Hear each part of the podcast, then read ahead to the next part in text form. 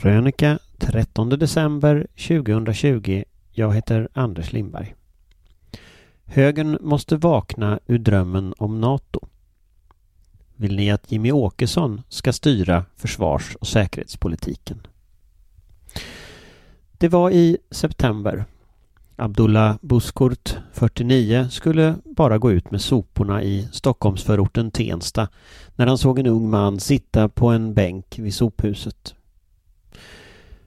Citat. Sedan kände jag hur han kom i hög fart och sparkade mig bakifrån. Jag snubblade och föll till marken, berättade han för Expressen. Då dök ytterligare två män upp. Det började slå mig i ansiktet, på huvudet, mina händer och andra delar av kroppen. Vilka som ligger bakom vet man inte.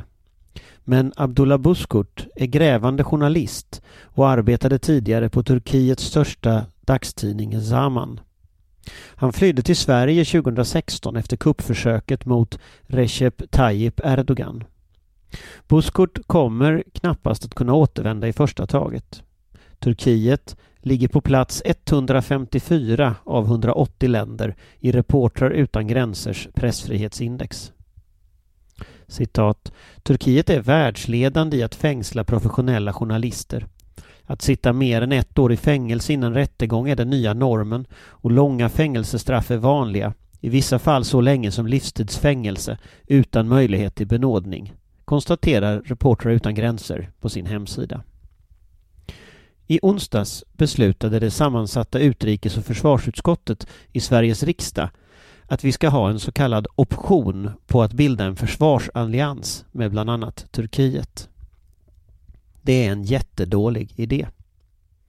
Turkiet har sedan kuppförsöket 2016 utvecklats till en allt mer fascistisk stat. Det är inte bara Abdullah Buskurt som behöver se sig om över axeln när han ska gå ut med soporna. Recep Tayyip Erdogan har utnyttjat pandemin till att ytterligare stärka sin kontroll över makten. Mängder av oppositionspolitiker, journalister och företrädare för etniska minoriteter, främst kurder, sitter i fängelse. Han har sagt att Frankrikes president Emmanuel Macron borde göra ett psyktest efter att Macron lovat slå ner på islamistisk extremism efter det brutala mordet på läraren Samuel Paty. Turkiet har invaderat Syrien och understödjer olika islamistiska grupper i kriget mot kurderna. Och man bedriver en allt mer expansiv politik, både i östra Medelhavet och i Kaukasus. Regimens armar når långt, även till Sverige.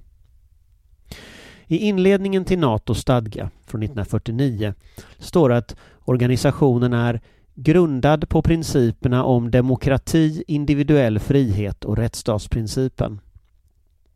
Så hur kan Turkiet vara med? Sedan står i artikel 5 att en attack på en medlem ska ses som en attack på alla. Skulle Sverige utnyttja den NATO-option som det sammansatta utrikes och försvarsutskottet beslutade om och gå med i försvarsalliansen så skulle alltså enligt stadgan en attack på Turkiet vara en attack på Sverige. Vill vi det? Vill svenska värnpliktiga det? Jag tror svaret är nej. Betyder då beslutet i det sammansatta utrikes och försvarsutskottet att Sverige kommer att gå med i NATO? Det svaret är också nej. De borgerliga partierna har utnyttjat sig av Sverigedemokraternas röster för att få majoritet för NATO-optionen. Men SD är nationalister och i grunden mer sympatiskt inställda till Vladimir Putins idé om ett Europa av självständiga stater än internationella försvarsförpliktelser. SDs förra försvarspolitiska talesperson, Mikael Jansson, hoppade inför förra valet av partiet, gick med i Alternativ för Sverige och åkte till Moskva för att hålla ett tal där han hyllade Vladimir Putin.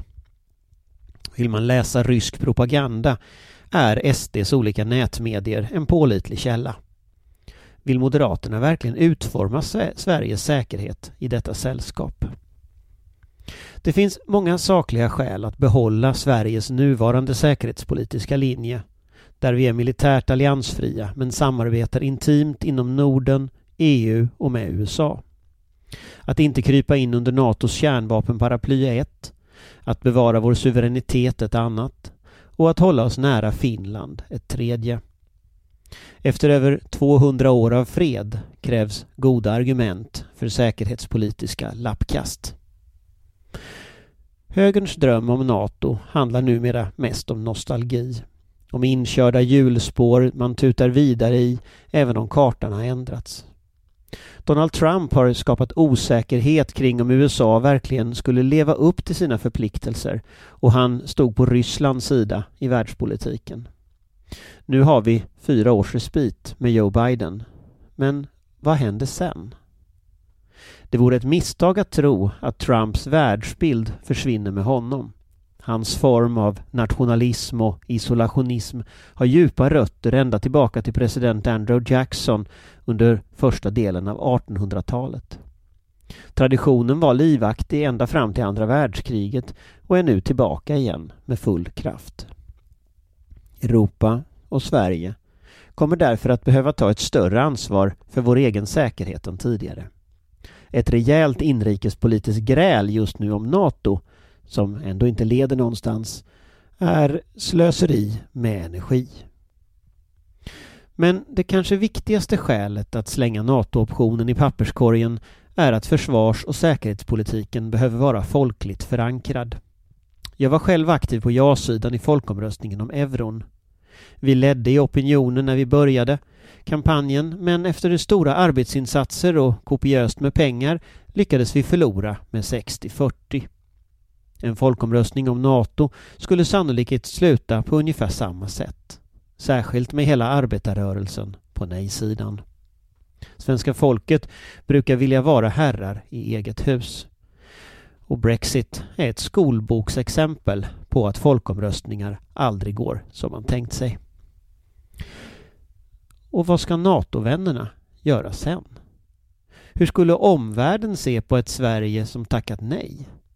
Då lär ju alla de samarbeten vi omsorgsfullt byggt upp idag bli svåra, för att inte säga omöjliga. Jag kan förstå det inrikespolitiskt attraktiva i att ge Stefan Löfven en näsbränna.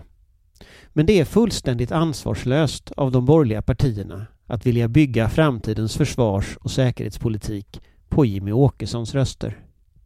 Den viktigaste effekten av utspelet är nog att osäkerheten om Sveriges linje ökar och att vi därmed blir otryggare.